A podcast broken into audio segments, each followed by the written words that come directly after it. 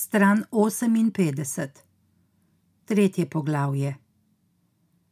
Ne spomnim se, kdaj sem bil na zadnje sredi noči sam doma, brez Anje in Marka. Najbrž je moralo biti še pred Markovim rojstvom. Skuhal sem si čaj in pustil utrujenemu telesu, da se je pogrezalo v kavč. Pozabil sem že, kako zveni noč brez Anjinega tihega predenja in Markovega vrtenja po posteljici. Pozabil sem, kako zveni tišina. Nisem hotel razmišljati o detkovi smrti, o rjavi steklenički, o kozarcu ob njegovem vzglavju. Tudi o Ani in njenem odhodu ne. Ne še. Moj čas je bil neomejen in to me je pomirjalo. Na koncu te noči me ni čakala pot v vrtec ali v službo in svobodno sem jo lahko podaljševal do jutra. V mojem življenju je bilo vse natančno odmerjeno. Pol ure za kavo zjutraj pred službo, 20 minut posedanja po kosilu, eno uro za pivo po basketu, pol ure gledanja televizije pred spanjem. Vse je imelo vnaprej določeno trajanje, ker je vselej nekaj čakalo name. Zdaj pa sem bil izven vseh urnikov, nikjer me niso pričakovali. Detkova smrt mi je podarila ta mali luksus in brezsramno sem užival v njem a misli so že prihajale nad me, misli odišavljene z njo. Po spominu sem skušal oživiti torek, dan pred Aninim odhodom, in v njem poiskati slutnjo tega, kar se bo zgodilo. A je bil to dan vsem enak drugim, in večkrat sem se zalotil, kako med obnavljanjem torka van ustavljam prizore in pogovore drugih dni nisem bil več prepričan, ali je v torek zjutraj, ko sem pred odhodom pobožal spečega Marka, se za srečo dotaknil njegove glave, kar je bilo moje edino vraževerje, Anja še spala ali pa je bila že v kopalnici. Zvok tekoče vode se je pomešal s podobo Anje, zvite v klopčič na desnem robu postelje. Natančno se spomnim le, da me je pred povdnevom Anja poklicala in mi povedala, da je od vzgojiteljice v vrtu izvedela, da je Marko prejšnji dan porinil Tejo, ki je padla po tleh. Zanimalo me je, ali si je kaj naredila, Anja pa je rekla samo: Lahko bi si. Pogovora iz razloga, ki mi je že ušel iz spomina, nisem želel nadaljevati in sem rekel, da se vidiva na kosilu. Anja pa je rekla ja, naveličano, morda celo odrezavo in prekinila. Ko sem prišel domov, sta Anja in Marko že jedla. Anja se mi je opravičila, rekoč, da sta bila preveč lačna, da bi me počakala. Prej sem sovražil jesti sam, a z Markom je tudi to postalo navada. Včasih mi je celo prijalo, da mi utrujenemu med jedjo ni bilo treba odgovarjati na Anina vprašanja. Popoldan pred njenim odhodom sem skoraj izbrisal iz spomina, ostalo je le izogibanje pogovoru o teji. Pustila sva Marka, da se je igral v svoji sobi. Morda me je Anja prosila, naj ga grem iskat, morda se mi rekel, naj ga pokliče, a nisva se poslušala in Marko je ostal tam in se nemoteno igral. Kaj sva počela midva, sem pozabil. Prižgan je bil televizor, prižgana sta bila najna računalnika, časopis je bil razgrnjen na jedilni mizi in gotovo sva si nekaj govorila, a so besede potonile v praznino med nama. Naj boš odpeljal na pleteršnikovo, ko bo šel na basket me je zvečer vprašala in odpeljal sem jo k stanki in miru, ne da bi vprašal, zakaj. Vprašal sem le, kako bosta prišla nazaj, in Anja je rekla, da bosta že in naj me ne skrbi.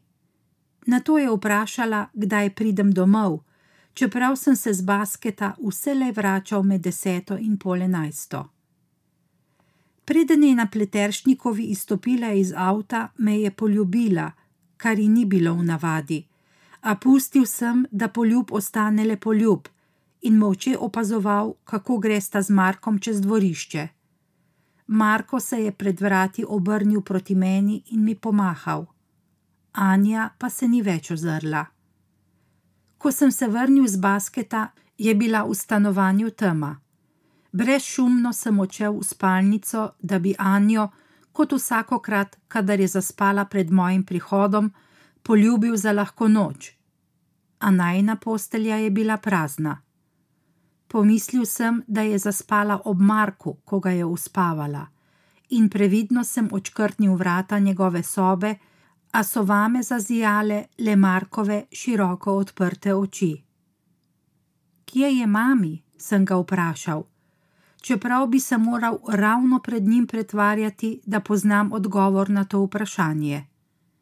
Njegove velike oči so se še bolj razprle podtaknil sem mu vprašanje brez odgovora, in bilo je prepozno, da bi ga vzel nazaj. Marko obraz se je že kremžil in proizvajal tiho cviljenje, ki bo kmalo postalo glasen jok. Dvignil sem ga in si ga prislonil na prsi. Vse bo v redu, vse bo v redu. Šš, mami spi. Zibala sva se in njegov jok se je umirjal oči so se mu zapirale. A če bi ga odložil nazaj, bi se zbudil. Odnesel sem ga v spalnico in se ulegel z njim na prsih. Marko je zadovoljno slinil mojo levo ramo, jaz pa sem iskal odgovor na vprašanje, ki naj jo je oba plašilo.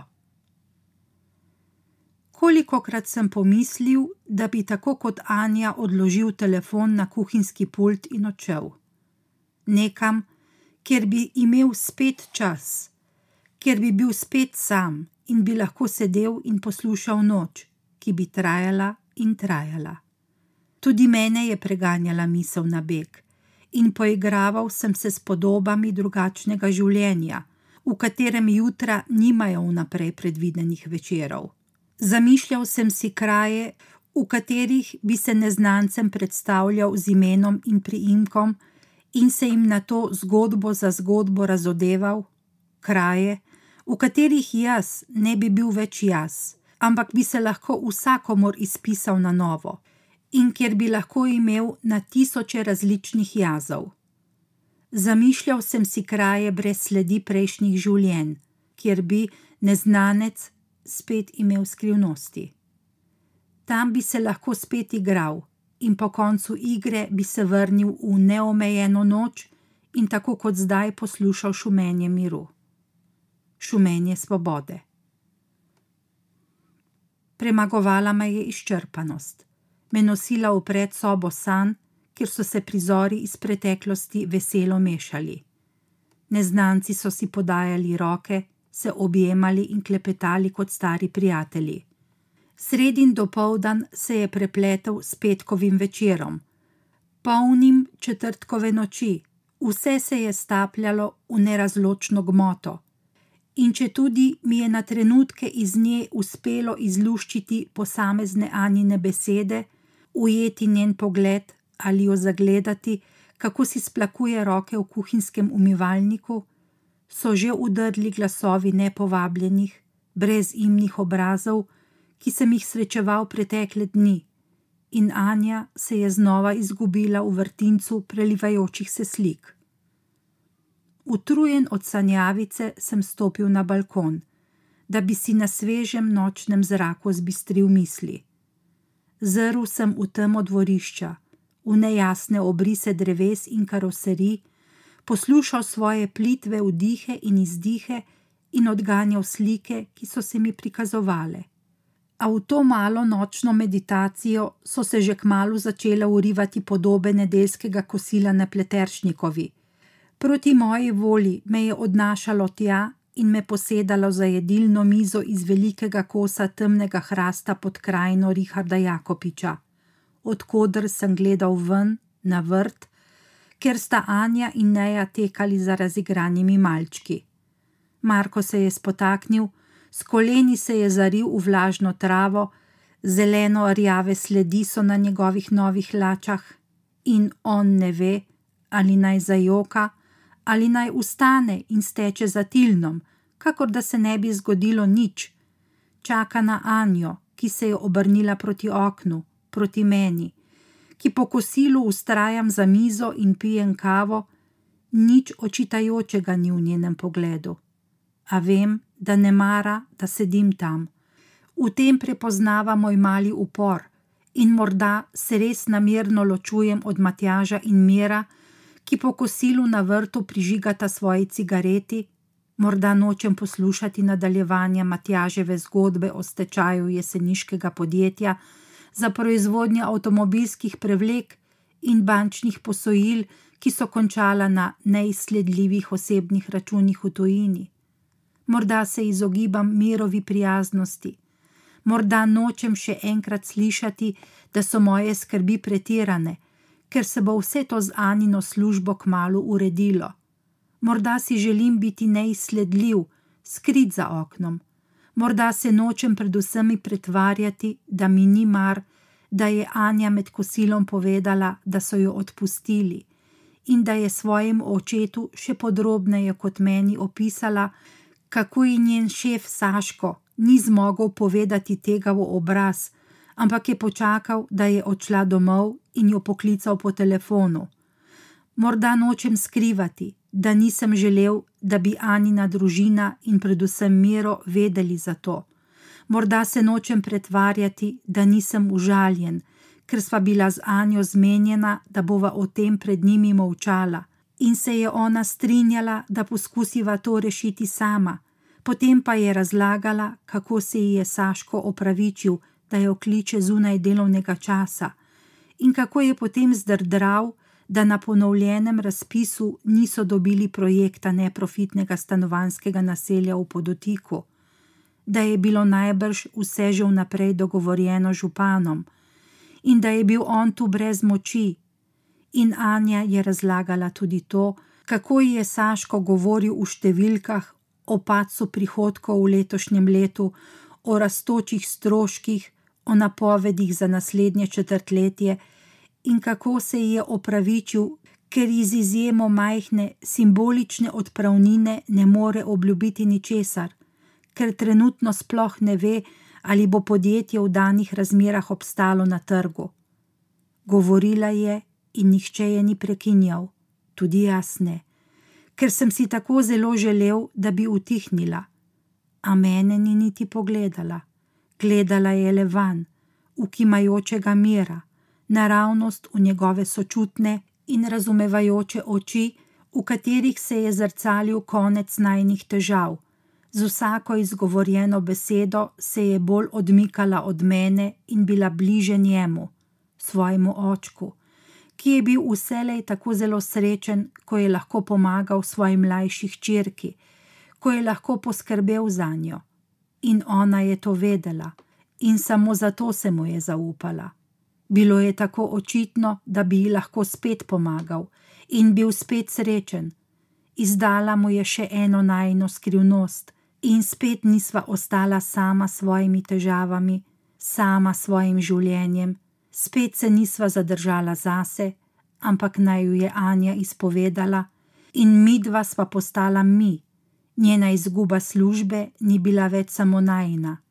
Razen tega, da ji je Saško na koncu rekel, da se takšne stvari danes dogajajo, z glasom, ki je terjal njeno razumevanje, kar je Anjo tako razjezilo, da je prekinila zvezo.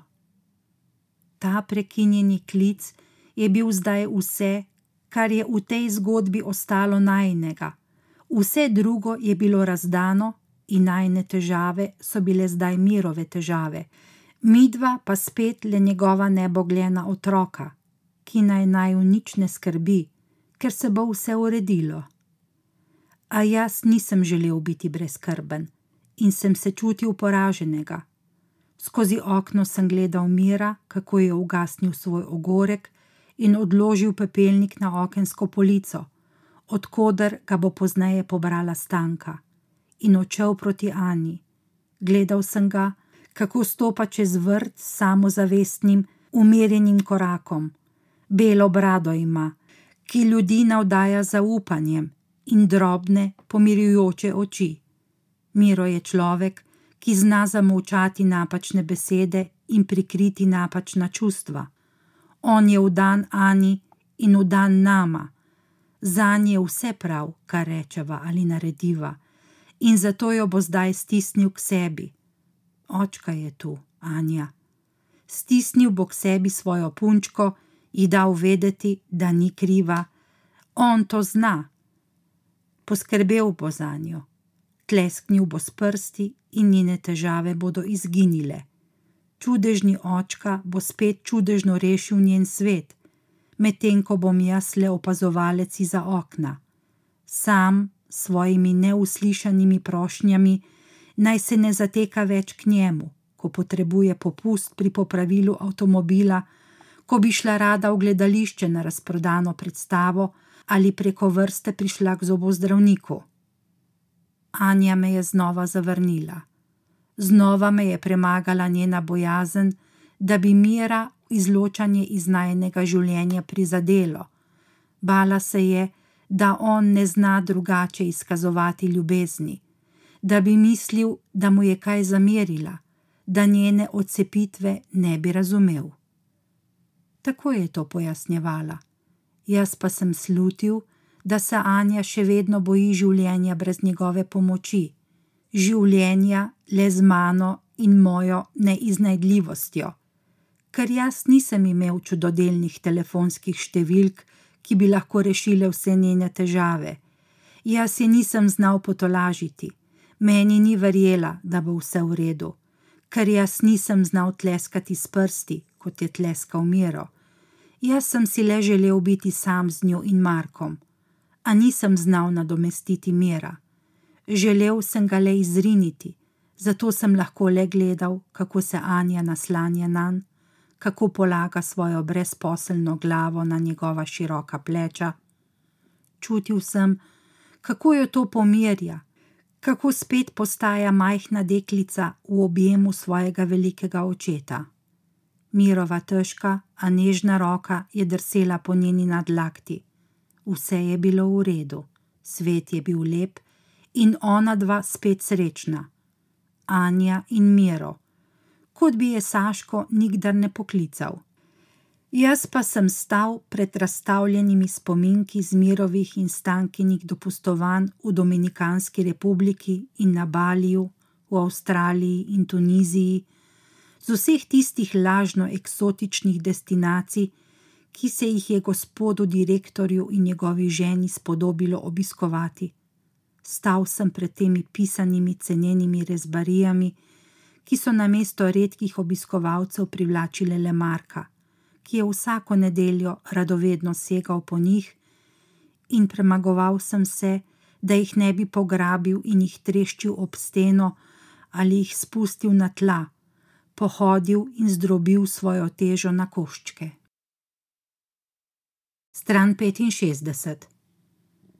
Pazi, pizda, Jadran, je zatulila Anja, ko sem prepozno zagledal peško, ki je zakorakala na cesto. Ali lahko gledaš na cesto, prosim, je rekla. Jaz pa sem oči pustil, da se je rumeni tvingo, ki sem se mu preveč približal, spet oddaljil. A bi rad, da jaz peljem? me je vprašala, ko se je avto, ki je vozil pred mano, na križišču Masarikove in Miklošičeve nepričakovano ustavil pred rumeno lučjo in sem se za las izognil trčenju van. Njo pa je zaneslo naprej, da se je z rokami oprijela sprednjih sedežev. Vso pot proti domu sem čakal njen krik. Morda sem ga namerno poskušal izvabiti iz nje, in ko sem ustavil pred semaforjem, je Anja odprla vrata. Veš kaj, mi dva bova šla kar peš, ti pa se takole sam vozi okrog po mestu, je rekla, pograbila Marka iz njegovega sedeža in že hodila proti najnemu bloku. Jaz pa sem peljal ob njej, čakal, da se utrudi in se usede nazaj v avto.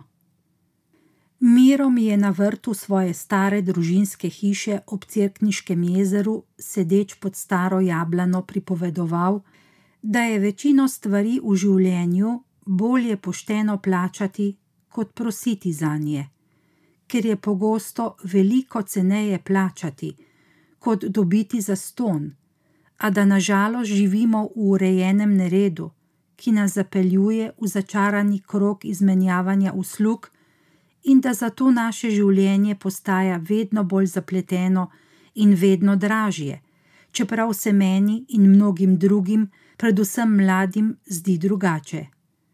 Razočarano je govoril o tem svojem in našem svetu, kakor bi se bil po naključju ujel van, kakor bi ga prisilili živeti življenje, v katerem je imel vse. Zvenel je kot človek brez izbire, z glasom polnim obžalovanja. Meni se je zdelo, da bi moral direktor Črnjak zveneti drugače, brezobzirno in zadovoljno. Zdelo se mi je, da mi ljudje, kakršen je bil on, ne bi smeli biti podobni, da bi morali razočaranje prepustiti nam, ki smo imeli razloge zanj. Ko sem vozil ob Ani, ki je z Markom v naročju hodila ob cesti, sem se počutil, kakor bi bil ukleščen med mogočne korenine mirove stare jablane, kakor bi se njene veje razraščale čez me, me ovijale in drobile. In kakor bi se jim hotel iztrgati, sem odprl okno, se nagnil k Ani in zaupil: Sanela, sanela, dej, used se, vsega bomo obrezali, prav, a slišiš, sanela, obrezali ga bomo. Tulil sem, ker sem vedel, da Anja ne bo prenesla pogledov mimo idočih. Vedel sem, da Anja ni prenesla biti sanela niti v neznanih očeh, še manj je prenesla biti sanela s primitivnim možem, ki s čefurskim naglasom upije iz avta. Saj je bila ona hčerka Mira Črnjaka, gospoda direktorja Črnjaka. Užival sem, ko sem jo za trenutek v očeh treh, morda štirih neznancev, iztrgal svetu njenega očeta temu nepopisno lepemu, predanosti polnemu svetu. Užival sem, ko sem si jo tako na vides približal, čeprav sem se zavedal, da si nisva bila nikdar tako tuja kot takrat, ko se je usedla nazaj v avto in mi dovolila, da sem jo z Markom odpeljal domov. Ljubljana se je vsako jutro prebujala iz zimskega sna. Čeprav je zgodaj zaspala, je vstajala z lepljenimi očmi in se tako dolgo postavljala na noge, da nihče ni vedel, kdaj se v mestu začne nov dan. Ko so še mestni avtobusi postali tiši in njihovi dotrajani motori niso več tresli oken ob cestah in prebujali ljudi za njimi, se je zdelo, da noč traja, tudi ko se je nebo že razsvetlilo in so se pred Merkatorji že začeli ustavljati dostavljalski tovornjaki. Stal sem na balkonu in čakal konec ene teh brezkončnih noči. Čeprav so ljudje na ulici pod menoj že začeli govoriti z nestišanimi glasovi, upiti imena otrok in puščali pse lajati. V posteljo sem odšel šele, ko sem zaslišal poštarjev glas. Ko sem se zbudil, je bila ura pol šestih popovdne. Na telefonu sta bila zgrešen mamin klic in stankino sporočilo, da je Marko pri njej in naj pokličem, ko bom lahko. Sinočni občutek svobode je izginil. Meje so se spet jasno izrisale. Ko sem prišel na Pleteršnikovo, je Marko sedel na tleh pred televizorjem in gledal risanko. Nedvomno je slišal moj glas, ko sem na vratih govoril stanko, in že dolgo je prepoznaval moje korake, a se ni niti na kratko ozrl proti meni, ko sem se mu približeval. Stanka, ki je stala za mano, me je to lažilno potrepljala po hrbtu. Ko se zatopi v te svoje risanke, ne vidi in ne sliši ničesar. Boš jedel? Bili so ljudje, ki so žalosti posojali svoj glas in v katerih očeh si lahko uzrl smrt, ko si je sam še nisi znal predstavljati. Ti ljudje so izrekali sožalje tako, da so se drugi zavedali lastne izgube še močneje kot takrat, ko so se sklanjali na truplo bližnjega. Stanka je bila ena teh ljudi, eden najboljših, in ko mi je odprla, me je stisnila k sebi kot pravkar najdenega otroka in zašepetala moje ime, kakor bi z njim mahala v slovo. Usedel sem se na kavč ob Marku, ki se še vedno ni pustil motiti. Stanka se nama je umaknila in v tišini sva gledala risanko. V risankah so junaki neprestano umirali, a to ni nič pomagalo, ko je bilo treba pojasniti umiranje v nenarisanem svetu.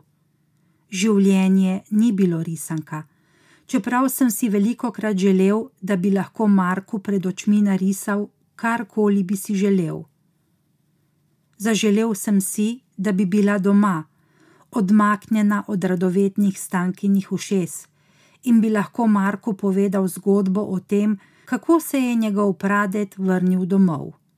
Doma bi mu lahko pripovedoval o tem, kako smo vsi mi, on, mama in jaz, dedek Miro in babici Stanka in Vesna, v resnici doma v svetu Nananinana, ker živimo v hišah iz smokijev in se kopamo v rjavih bazenih, v katerih je na mesto vode čokoladno mleko, in kjer je vedno dan in je vedno nedelja, in kjer rišemo maurice in igramo nogomet s neženimi možmi, in da smo tu, na zemlji, le na počitnicah, da nas pošljajo sem, da odrastemo in se učimo in delamo, potem pa, ko se dovolj naučimo in ko oddelamo svoje, se lahko vrnemo tja, kjer smo zares doma in kamor se gre po toboganu, velikem toboganu, po katerem se zdaj vozi pradedek Aleksandar.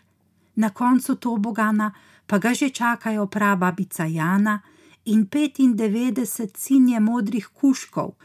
V nananinani živali govorijo, bi mu pojasnil. Tam ni razlik med ljudmi in živalmi in rastlinami. Tam smo vsi enaki in skupaj se igramo v velikem peskovniku, ki je velik kot morje. Rekel bi mu, da bo šel tudi on v Nananinano, po Toboganu, ko bo star, kot je bil star pradedek Aleksandar, in da ga bova midva z mamico počakala na koncu Tobogana, in da bo tam tudi njegov medvedek Bucbuc, ki bo pravi medvedek, ker v Nananinani tudi stvari govorijo in pojejo in plešejo, in da lahko piševa pradedku v Nananinano, da mu pošiljava poljubčke in mu rečeva naj pozdravi prababico. Nič od tega mu nisem mogel povedati v pričo stanke, ki je, kadar je šlo za življenje in smrt, priznavala le pravljice o peklu in nebesih, za vse druge pravljice pa je verjela, da se le posmehujejo njenim. Stanka je bila prepričana, da si človek ne bi smel izmišljati svetov, v katere ne verjame, če tudi z izgovorom, da želi otroku pojasniti smrt njegovega pradetka, ker bo ta otrok potem mislil, da so si tudi to, kar piše v svetem pismu, izmislili zato, da bi tolažili žalostne ljudi, in da je tudi zgodba o Jezusu le ena mnogih izmišljenih zgodb. Življenje po smrti za stanko pač ni bilo otročja igra. Zato sem, ko se je risanka končala, rekel Marku naj vzame svoje stvari, ker morava takoj domov, on pa se je le ulegel k meni in mi položil glavo v naročje. Pri svojih treh letih je že vedel, da je z odraslimi lahko manipulirati, in če bi bil kakšen drug dan, bi me verjetno prepričal, da še malo ostaneva pri detku in babici in si pogledava še eno risanko. Babica je skuhala kosilo, mi je rekel. Ja, Jadran, če si lačen, je res dovolj, se je iz kuhinje oglasila stanka. hvala, ampak morava domov. Pridi, Marko, greva. V tistem se je zaslišalo odklepanje vrat. Miro je najbrž videl moj avto parkiran pred vhodom in že na vratih me je poiskal svojim sožalnim pogledom. Jadran. Segal mi je v roko, z drugo pa me je potrepljal po rami in na to še pobožal po obrazu. Kako je mama? Se drži. Se res? Stanka ji je poslala sožalni telegram. Miro in Stanka sta vedno vse naredila tako, kot se je od njiju pričakovalo. Vselej sta se strogo držala nepisanih pravil, ki jih jaz nisem poznal. Zato so me njuna dejanja in tudi njune besede vselej rahlo razžalostile, čeprav se je za vsem skrival dober namen.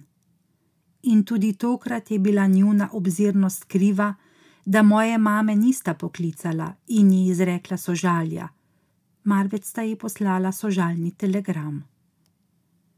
Hodil sem za Markom po stanovanju in čakal, da me vpraša, kje je njegova mamica, a na mesto vprašanja je le uprl vame svoje velike male oči in čakal, da si izmislim nekaj, kar ga bo potolažilo.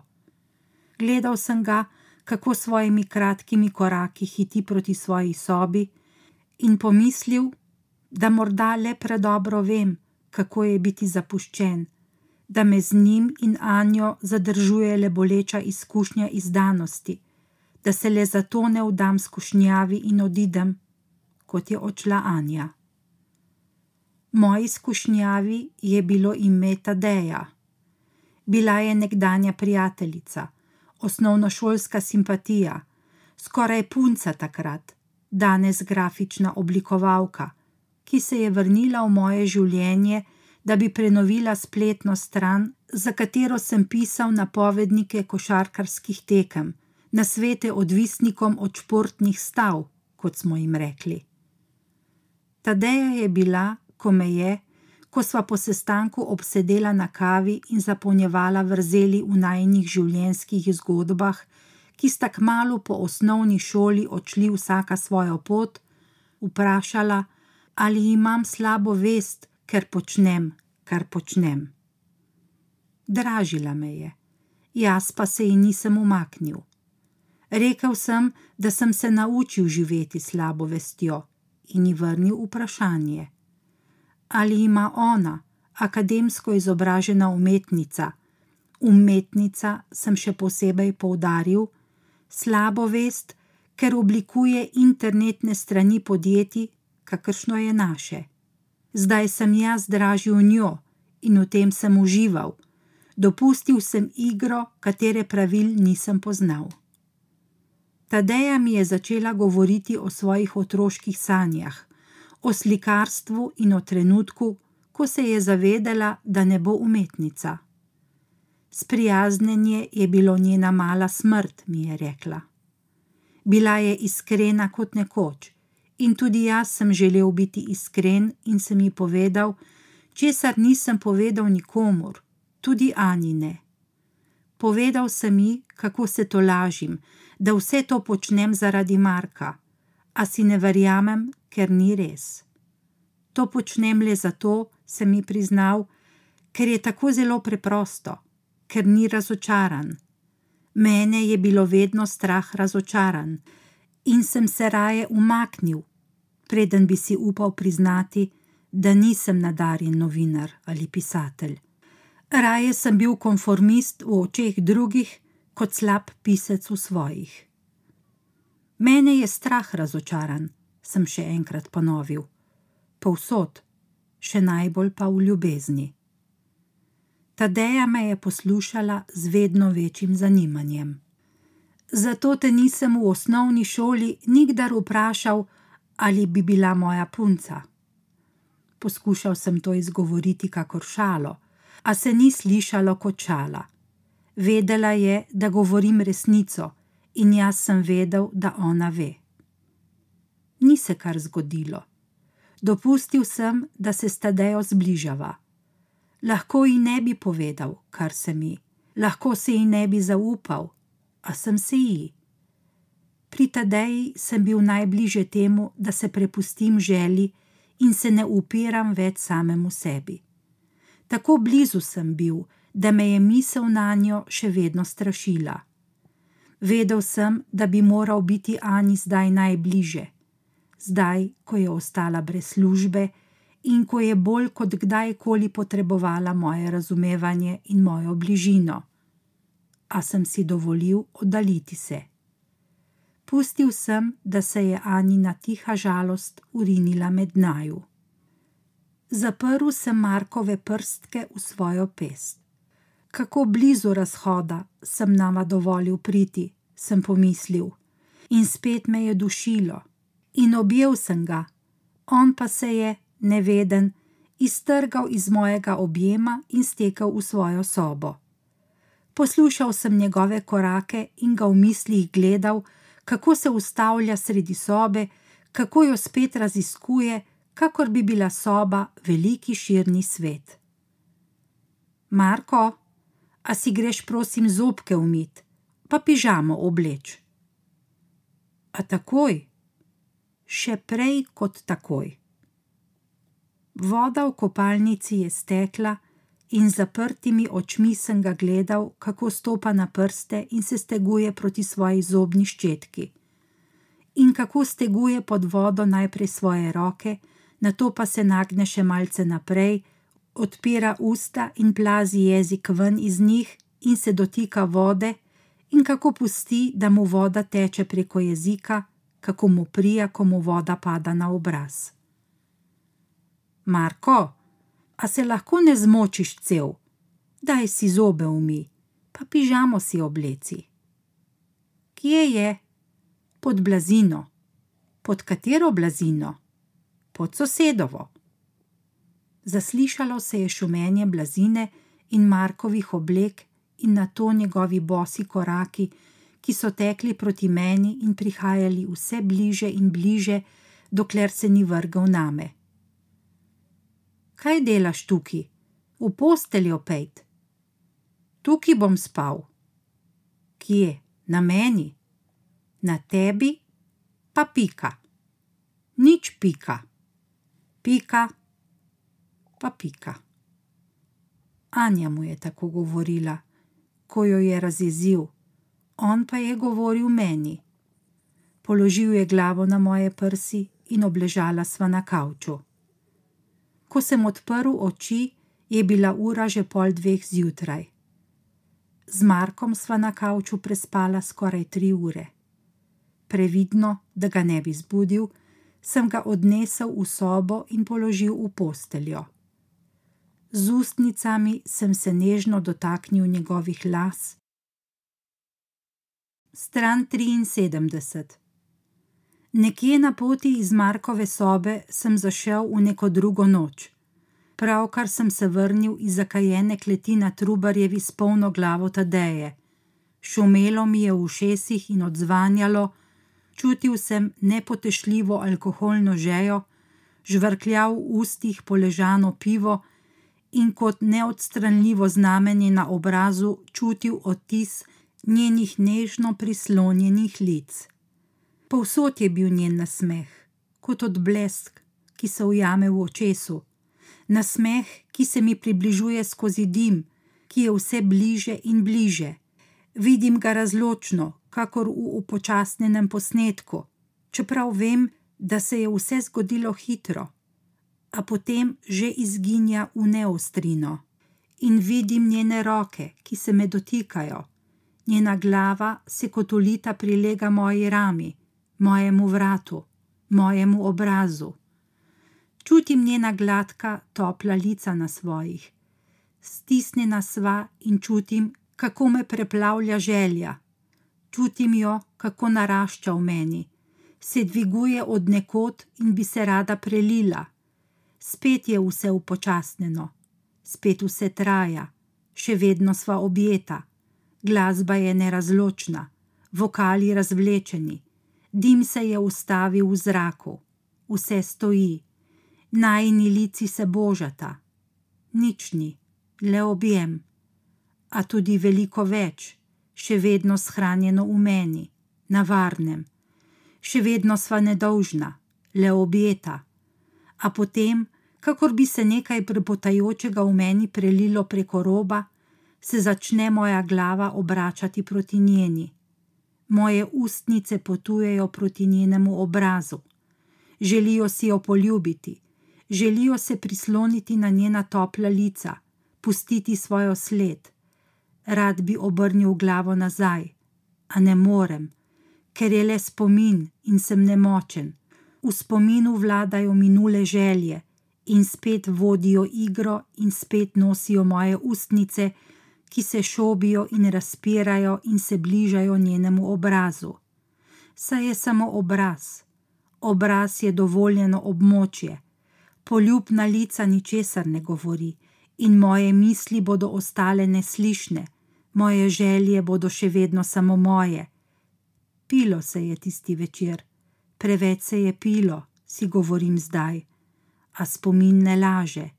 Spomin ve, on pomni dotik mojih ustnic in njenih lic, pomni srečanje s kotičkom njenega nasmeha. Dolg je ta trenutek, brezkončen, nenadoma me zaziblja v njeno smejalno jamico. Ujčkam se, kakor bi bil položen vanjo, utopljen v blaženosti. Ni prav, si govorim, ne bi smel obležati na njenih licih. Moral bi hitro, takoj bi moral odmakniti ustnice. A je le spomin in spomin ne laže.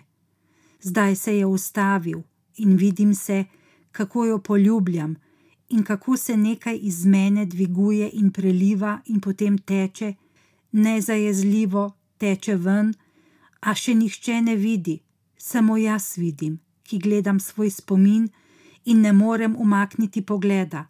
Vse se odigrava pred menoj in v meni, in spet čutim, kako vrem, kako bi njeno lice poljubljalo moje ustnice, in vem, kaj sledi rad bi odtrgal pogled, prekinil bi rad to igro spomina, rad bi ustavil že ustavljeno, izbrisal slike, jih razbarval, zbledil, razostril, razpršil. A nasprotno, vse postaja jasnejše, ker spomin ne laže. Spomin se poigrava z menoj, ki se skrivam za zaprtimi očmi kot otrok za svojimi prstki. Vse vidim, vse se mi predoča, vidim njeno glavo, ki se obrača, njen nasmeh se mi bliža, moje ustnice niso več na njegovem skrajnem robu, ampak se že skoraj dotikajo njenih, njen dih jih zdaj boža in moje ustnice bežijo pred njenimi, ali pa jih morda lovijo, zdaj se pretvarjam, da ne vem. Njene ustnice potujejo proti mojim, ali potujejo proti mojim licem. Preblizu sva si, zdaj to vem, veliko preblizu, a spomin meri bližino drugače. Spomin je podrejen po želenju in zato ve, da sem si tistega večera želel priti še bliže, in ve, da se tudi ona ni odmikala, da bližina ni bila naključna, najne ustnice so se oplazile, morda res ni bil poljub, a so se dotaknile, prešle so se in bilo je močnejše kot poljub, bilo je neizživeto in zdaj želja živi v spominu, ki se igra z mano, me vrača nazaj in spet njene ustnice prehajajo čez moje in to ni le nerodnost, ni le pijanstvo, spomin to ve in jaz to vem. Udal sem se, vem, da ni bil le slučaj, da je bilo več kot le slučajen dotik. Pretvarjam se, da ni nič, da se ni nič zgodilo, a je bilo veliko, ogromno. Bila je želja po poljubu, oboje stranska. Morda je bilo celo videti kot poljub, oddaleč, skozi dim. Preblizu so mi prišle njene oči. Ne bi jim smel vrniti tistega pogleda, ne bi me smela gledati tako od blizu to zdaj vem, a spomin ne ve. V njenih očeh se je ogledovala moja želja in njena se je zrcalila v mojih, ne skrita, ne potvorjena, bila sva gola. Zdaj v spominu vse stoji in zdaj se vse vidi. Tisti trenutek najne golote, najna razgaljena vzajemna želja po naju, zdaj me je spet strah, spet in ne znam ubežati. Te želje sem se ustrašil, bal sem se, da ne bo nikdar strohnela, tega sem se bal. Ječal sem in se tresel tisto noč, ko sem prišel domov. Tako navadna noč je bila, le jaz in moja želja sva bila drugačna. Želja, ki je nisem želel, želja, ki me je obsedla, spomin je spet prebujal moje strahove in leden znoj se je plazil čez moje telo. Poljub, ki to ni bil, ali pa je bil, ne vem, prebada me njen pogled, želja v njem, ki je odgovarjala na mojo, ji pritrjevala, ni bilo zavračanja. Ona je prepoznala mojo željo, ker ni bila namišljena. Moja želja je šla iz mene in se srečala z njeno. Potem sem jo stisnil k sebi, tako pravi spomin, da bi skril najni želji v objem, in noč je stekla, se nadaljevala. Dim se je spet začel premikati po zatohlem kletnem zraku. Ljudje so se začeli gibati, bližine teles ni bilo več, a je ostala tista druga, nevarnejša. Ostala je želja po njej. Tisto noč, ko sem prišel domov, sem odprl vrata spalnice in gledal v Anjo, ki je spala na svoji strani najne postelje, in še vedno sem videl ta dejni nasmeh. Dvojna ekspozicija, vse se je pomešalo. Gledal sem Anjo in hotel začutiti poželenje po njej, pregnati neko drugo, prepovedano poželenje. Slačil sem svojo Anjo, hotel sem jo zgrabiti za golo kožo, ji potisniti roko med noge. Hotel sem, da bi me razumela misel na golo Anjo, pokvarjena misel. Obračal sem jo na trebuh in jo gledal od zadaj, pohotno, vulgarno, a se slika še ni hotela razjasniti. Spomin je bil še naprej živ, želja po Tadeji se je upirala in se prebijala skozi mojo pohoto. Ulegal sem se ob Anjo in čutil sem njen zadah. Položil sem roko nežno čez njeno speče telo, zbujal v sebi najne spomine, najne nedolžne razvrate. Zašel sem v mislih med njene noge, jih razpiral in oblizoval njene sramne ustnice, in gledal sem njeno glavo med svojimi nogami, njen pohotni nasmeh. Vse, da bi le pregnal spomin, pregnal željo, ki se je nisem želel, da bi jo navdal z Anjo, s poželenjem po Anji, po materi svojega otroka, z brezgrešno željo. Kako nesvobodnega, skrajno nesvobodnega sem se počutil, nikdar ne tako, kako ujetega, kako nemočnega, kako slabotnega, patetičnega, kako ubogega, ko sem si pustil roko med noge, ob speči Ani, vse to je za naju, vse je dobro namirno, ni narobe, vse to je samo zato, da preženem Tadejin nasmeh in dotik njenih ustnic in njen pogled, ki ve za mojo željo. Nisem se zaljubil vanjo, nočem biti zaljubljen vanjo, prepovedujem si, da bi se zaljubil vanjo, želim jo pregnati iz sebe, a spomin ne laže, spomin ve in je, in zato sva spet na vlaku, po noči, sama sva v kupeju. Zato mi spet odpenjaš za drgo, zato se spet tresem od vzburjenja, zato me spet jemlješ v roke in spet spuščaš glavo nad me in me objemaš s svojimi vročimi, vlažnimi ustnicami. Zato sva spet tam, da me te slike celega objamejo, da prekrijejo vse druge slike. Zato, zato sva spet v tvojem avtu, v tvojem rdečem pežoju, in jaz sedim na zadnjem sedežu, in ti sediš na meni in se ziblješ naprej, nazaj, naprej, nazaj. Vse vidim tako jasno, in še jasnejše postaja, naprej, nazaj, naprej, nazaj. nobenega drugega nasmehani, nobenega drugega pogleda. Sva le midva v tvojem rdečem pežoju, na najnem skrivnem mestu, še mlada, še nepotešljiva, še zaljubljena. Naprej, nazaj. Spet čutim to željo po tvojem telesu, ki neučakano vleče tvoje črne hlačke, ki hlastajoče rine vate, brez posluha za tvoje naježeno telo. Naprej, nazaj. Izlivam se, izlivam se ob tebi, ki spiš, izlivam na najne spomine. Zmagal sem, za naju sem zmagal. Midva sva bila močnejša, midva sva se izlila čez spomin, ki ne laže, čez spomin, ki ve. Midva sva ga prekrila z najnimi slikami, z najnimi spomini, ki tudi ne lažejo. In potem jokam, Anja, ob tebi, ki spiš, ker sem nemočen. Tako nesvobodnega se počutim, da me kar mrtviči, stiskam pesti in vlečem rjuho pod seboj. Jokam tiho, neslišno je čim, ker te nočem zbuditi, ker zgodaj vstajaš.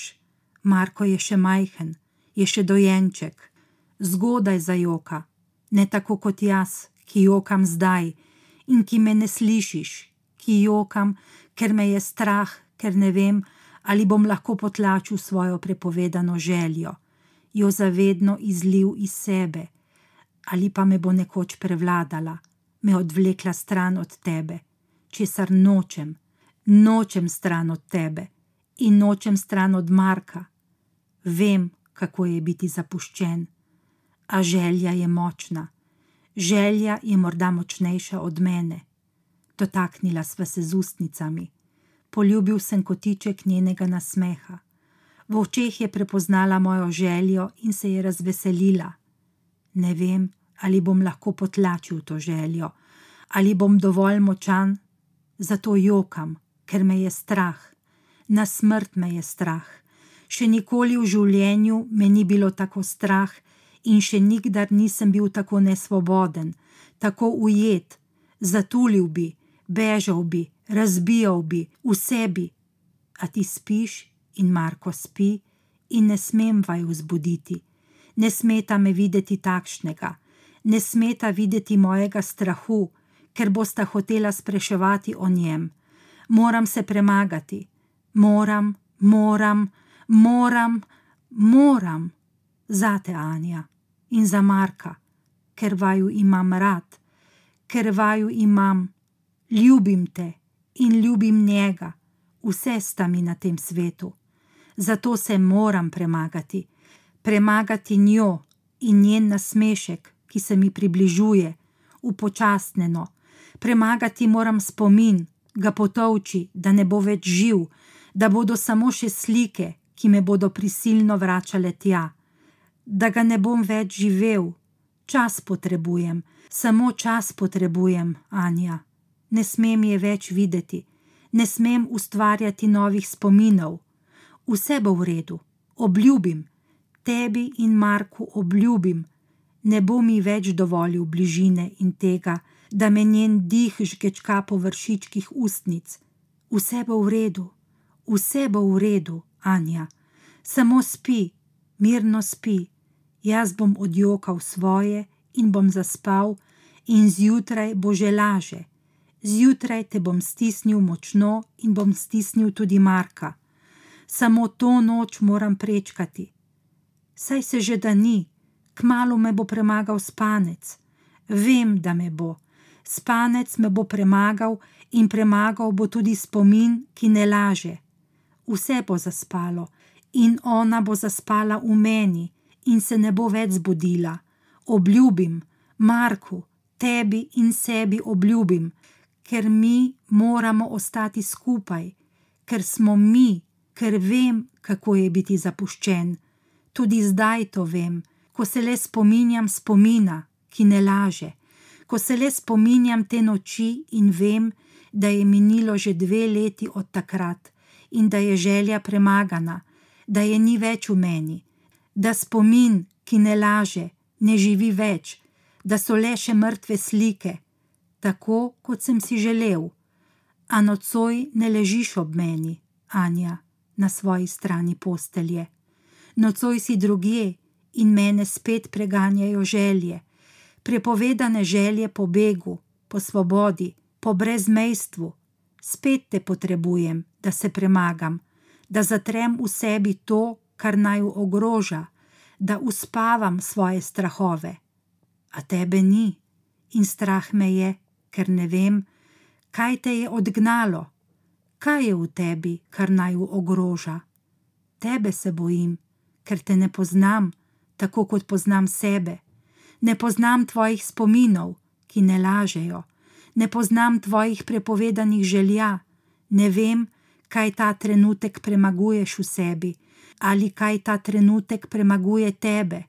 Strah me je, ker vem, da je težko potlačiti prepovedano željo, težko jo je potovči in sprašujem se, ali si se morda že predala, ali pa se še vedno boriš za naju, za Marka, za vse nas, ali se še vedno boriš sama nekje. Rad te imam in strah me je, Anja.